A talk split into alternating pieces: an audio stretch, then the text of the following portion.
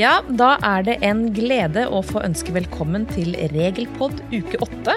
I dag med Monica, som sitter i Fredrikstad, og undertegnede, som sitter i Gran på studio, så Vanja. Teknisk ansvarlig i dag, det er Vegard Øvstås. Du Monica, i dag skal jo vi vie faktisk hele regelpodden til et tema som jeg vet at begge vi to syns er ganske interessant, altså digital inntektsmelding. Og her dukker det jo ofte opp noen spørsmål i forhold til dette med utfylling, som vi skal se litt på i dag. Og så også spørsmålet hvorfor skal vi egentlig sende inntektsmelding?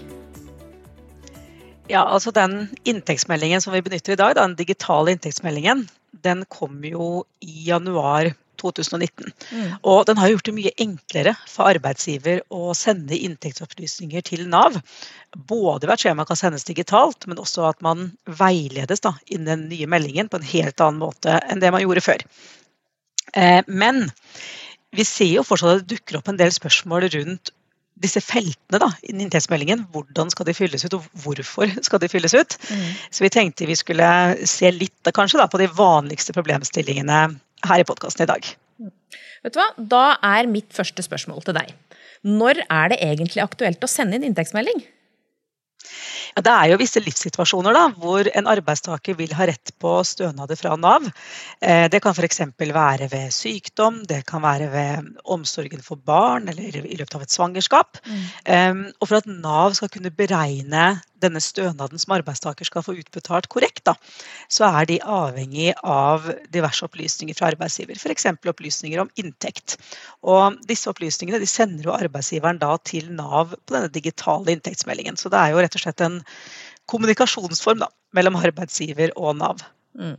Men jeg vet mange stiller seg spørsmålet når vi har denne avmeldingen og sånn, får ikke Nav tilstrekkelige opplysninger via avmeldingen? Det er jo masse som går inn der. Ja, Man skulle kanskje trodd det, men eh, selv om Nav får inn en rekke opplysninger da, fra eh, arbeidsgiver via den rapporteringen som skjer i avmeldingen, så får de ikke inn alle disse opplysningene de trenger. Eh, de trenger faktisk flere opplysninger enn bare det som er rapportert inn på avmeldingen, for å behandle arbeidstakerens krav om en ytelse etter kapittel 8, 9 eller 14 i folketrygdloven på en korrekt måte. Da. Så trenger de flere opplysninger enn kun det som er innrapportert. Ja, Hvilke opplysninger da, f.eks.? Ja, Det kan f.eks. være dette med refusjon. Om arbeidsgiver forskutterer en ytelse, så kan jo spørsmålet være eh, vil arbeidsgiver i denne situasjonen her ha eh, refusjon, eh, og hva er eventuelt refusjonskravet? Hva er perioden for refusjonskravet? Mm. Det kan være om bonus er utbetalt i beregningsperioden, så er det jo ikke alt denne bonusen skal være med i beregningsgrunnlaget. og Da er det jo opp til Eh, til arbeidsgivere å opplyse om dette her på, på, inntektsmeldingen. Og det gjør man jo at man enten tar det med eller ikke tar det med i dette gjennomsnittlige månedsinntekten som man rapporterer inn.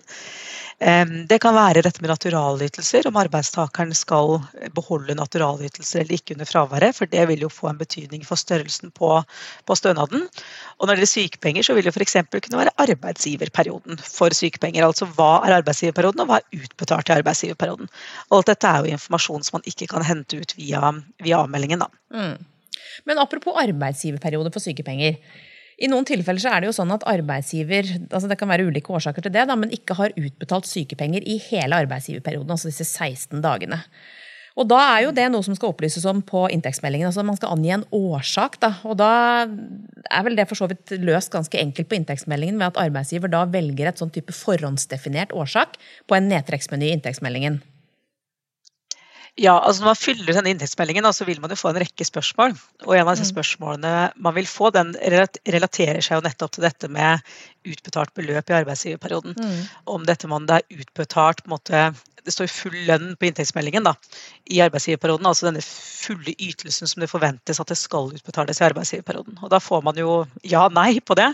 Svarer man ja, man har utbetalt full lønn, så vil det jo ikke dukke opp noe mer.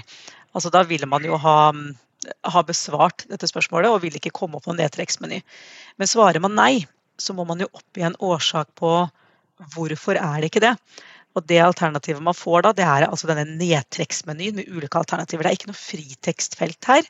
Det er denne nedtrekksmenyen hvor man må velge riktig årsak da, til hvorfor er ikke dette gjort. Og Det kan jo være flere forskjellige årsaker til det. Det kan være eh, at man har hatt lovlig fravær uten lønn.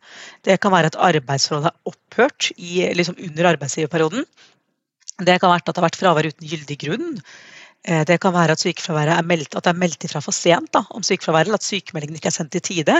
Eller det kan rett og slett være at det ikke er opptjeningstid eh, hos denne arbeidsgiveren, eh, slik at det ikke er noen forpliktelse for arbeidsgiver til å utbetale sykepenger i arbeidsgiverperioden. Så dette var bare noen av årsakene, da, men det kan, jo, det kan være rekken andre årsaker til også. Men man må forholde seg til nedtrekksmenyen. Man har ikke noe fritekstfelt hvor man kan angi andre årsaker. Da. Som Før så var det vel mange på dette inntektsopplysningsskjemaet som lave noen Post-It-lapper og den type ting. Det, det, er jo ikke muligheten på den digitale meldingen. Nei. Men det betyr jo liksom, det er jo opp til arbeidsgiver da, å vurdere hva som er den riktige årsaken i det enkelte tilfellet. Så her må jo arbeidsgiver egentlig kunne litt rundt reglene om dette med sykepenger. Og, og ja, det er viktig å... å kjenne til regelverket. Ja, mm. ja. Men du, Nå nevnte jo du noen, men ikke alle, sier du, eh, årsakene. Men her har det vel kommet forslag om ytterligere årsaker òg, som kanskje ikke står i nedtrekksmenyen ennå?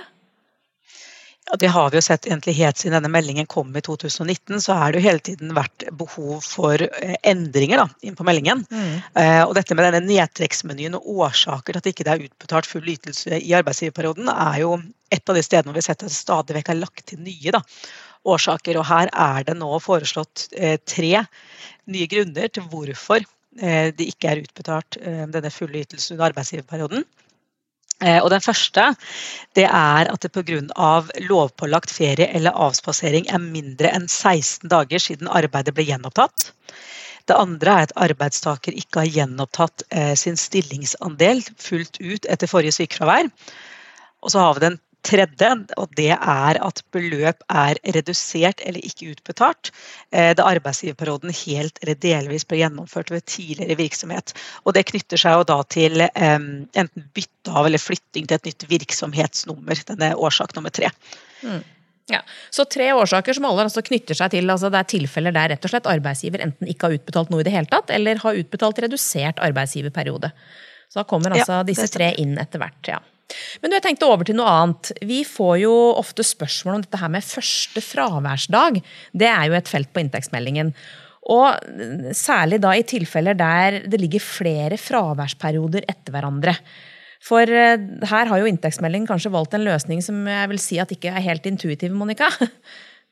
Nei, det er det nesten må kjenne til. Ja. Eh, altså Når det gjelder sammenhengende fravær, så er det i utgangspunktet ikke noe særlig problematisk her. Nei. For her er det jo første fraværsdag i det sammenhengende fraværet. Mm. Vi får faktisk av og til noen spørsmål på det også.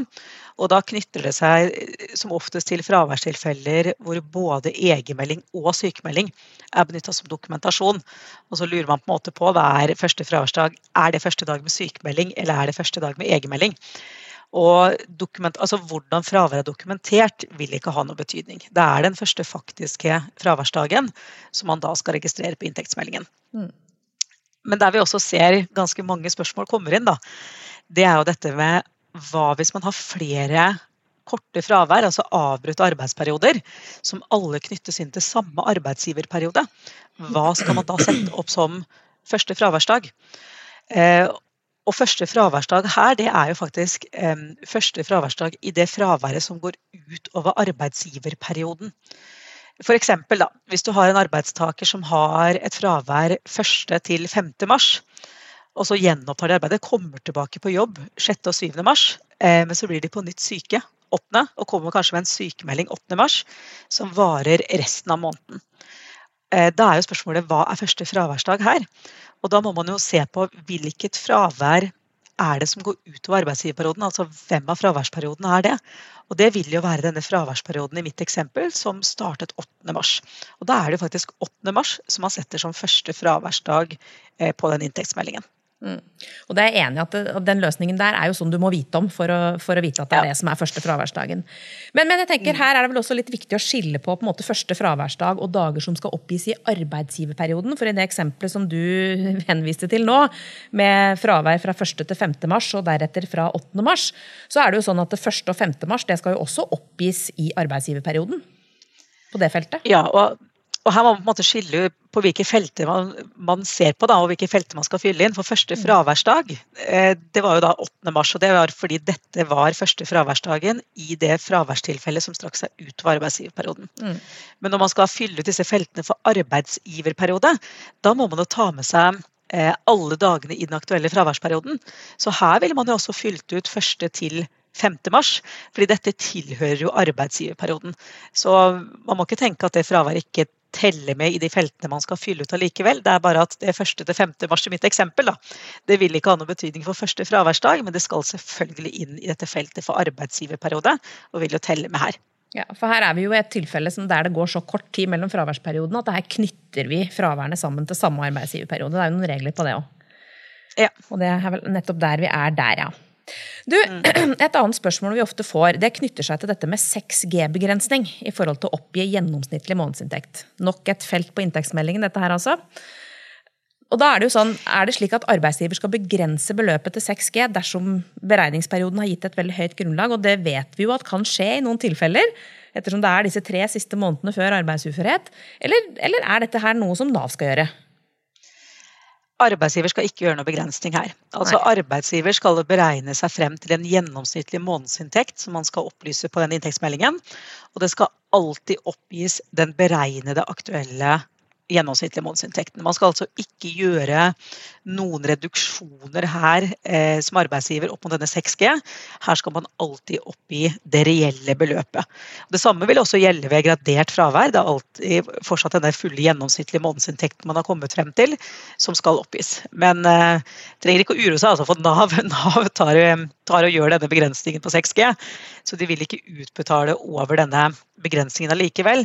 Men arbeidsgiver skal altså rapportere inn det reelle beløpet. Så kommer arbeidsgiver frem til en gjennomsnittlig månedsinntekt på 800 000 f.eks., så er det jo 800 000 man skulle da ha rapportert inn på gjennomsnittlig månedsinntekt. Og så hadde Nav gjort begrensninger når de skulle utbetalt den ytelsen. Mm. Jeg tenker man Får man et veldig høyt beløp, så kan det jo godt hende at det sitter litt langt inne for en arbeidsgiver å, å sette det på inntektsmeldingen i, i, frykt for at Nav skal tenke at man prøver å lure Nav på noen måte. Men sånn er det altså ikke. Det er rett og slett det reelle beløpet man kommer fram til, som skal angis i det feltet. Ja, alt det reelle beløpet. Ja. Mm. Du, Et tema som er, eh, jeg vil si er veldig aktuelt i disse dager, det er refusjon av omsorgspenger, for å gå over til noe litt annet. Eh, men det knytter seg også til inntektsmeldingen, selvfølgelig, det her. Eh, og Grunnen til at jeg sier at dette er aktuelt nå, det er jo fordi det er vedtatt å doble kvoten med omsorgspenger i 2021. Og da er det vel naturlig å tenke at det innebærer at flere arbeidsgivere enn normalt kanskje vil komme til å søke refusjon av omsorgspenger. Og da er vi jo tilbake til inntektsmeldingen, for det er jo den som skal brukes til det. Ja, dette var jo også en av de fine tingene som kom med digital inntektsmelding i 2019. Det er jo at denne digitale inntektsmeldingen ble jo refusjonsskjema for omsorgspenger. Mm. Før det så hadde vi jo ikke noe eget refusjonsskjema for det. Men det er nok mange som ikke har brukt, eller har søkt refusjon, altså hatt krav på refusjon av arbeidsgivere før, som plutselig vil få det i år. Og Derfor så er det jo greit å merke seg både at dette er refusjonsskjema for omsorgspenger, men også på en måte noe om feltene som skal fylles ut her. Og da tenker jeg kanskje det En av de tingene som kanskje er viktigst å merke seg, da, det er jo at man skal, dette med at man skal bekrefte at man har utbetalt de dagene man er forpliktet til før man søker refusjon. For hovedregelen er jo at arbeidsgiver er jo den som må dekke de første ti dagene med omsorgspenger i løpet av et kalenderår. Og så vil man kunne få refusjon for dager utover det. Eh, og måten man gjør det på, er å bekrefte på en måte ja eller nei. Da. Altså at Man får dette spørsmålet på inntektsmeldingen når man har utbetalt disse ti dagene. Og Hvis man da har gjort det, så trykker man jo for ja, eller krysser man for ja. da, Og så fører man jo inn hvilke dager man søker refusjon for. Og Da er det greit å merke seg at man skal ikke oppgi hvilke ti dager man har utbetalt. Man skal kun bekrefte at det faktisk er gjort. Ja. Jeg tenker dette er jo litt sånn tillitsbasert. Helt klart. Eh, men det er i hvert fall en mye enklere måte da, å søke refusjon på enn den, eh, den, vi hadde tidligere. Mm. Ja. Du, selv om digital inntektsmelding er kjent for de fleste arbeidsgivere nå, for det må vi jo kunne tro at det er, for å si det sånn, så er det jo fortsatt mange spørsmål som dukker opp i forbindelse med, med, den. Og det er jo grunnen til at vi hadde dette litt som tema i dag. Det er jo nettopp for at vi får mye spørsmål om det. Så nå har jo vi sett på noen av problemstillingene i hvert fall, som er aktuelle her, her nå i dag. Men det er jo fortsatt mange andre som ikke vi har tatt opp. Det fins flere. Eh, men du har skrevet en artikkel Monica, der du vel har tatt opp litt mer enn det vi har snakka om i dag. Ja, Den ligger ute på fagområdet lønn og HR på Visma Community. Så hvis man ønsker å lese litt mer om det, så kan man jo gå inn der og, og titte på den artikkelen der. Så skal man vel ikke se bort ifra at kanskje i fremtiden så lager vi en egen guide på det her også, som vil være tilgjengelig på, på siden til Visma. Ja. ja, det tenker jeg hadde vært matnyttig for mange arbeidsgivere, faktisk. kommer en del mm. spørsmål på det, så det tenker jeg hadde vært eh, absolutt eh, aktuelt. Men du, da tror jeg faktisk at vi har kommet til veis ende, Monica, i dag. Jeg tror ikke vi hadde noe mer på agendaen, i hvert fall. Så Nei, da har vi vel snakket om det vi skulle i dag. Jeg tror det. Men da gjenstår det bare å takke for i dag og ønske alle en god dag videre. På gjensyn.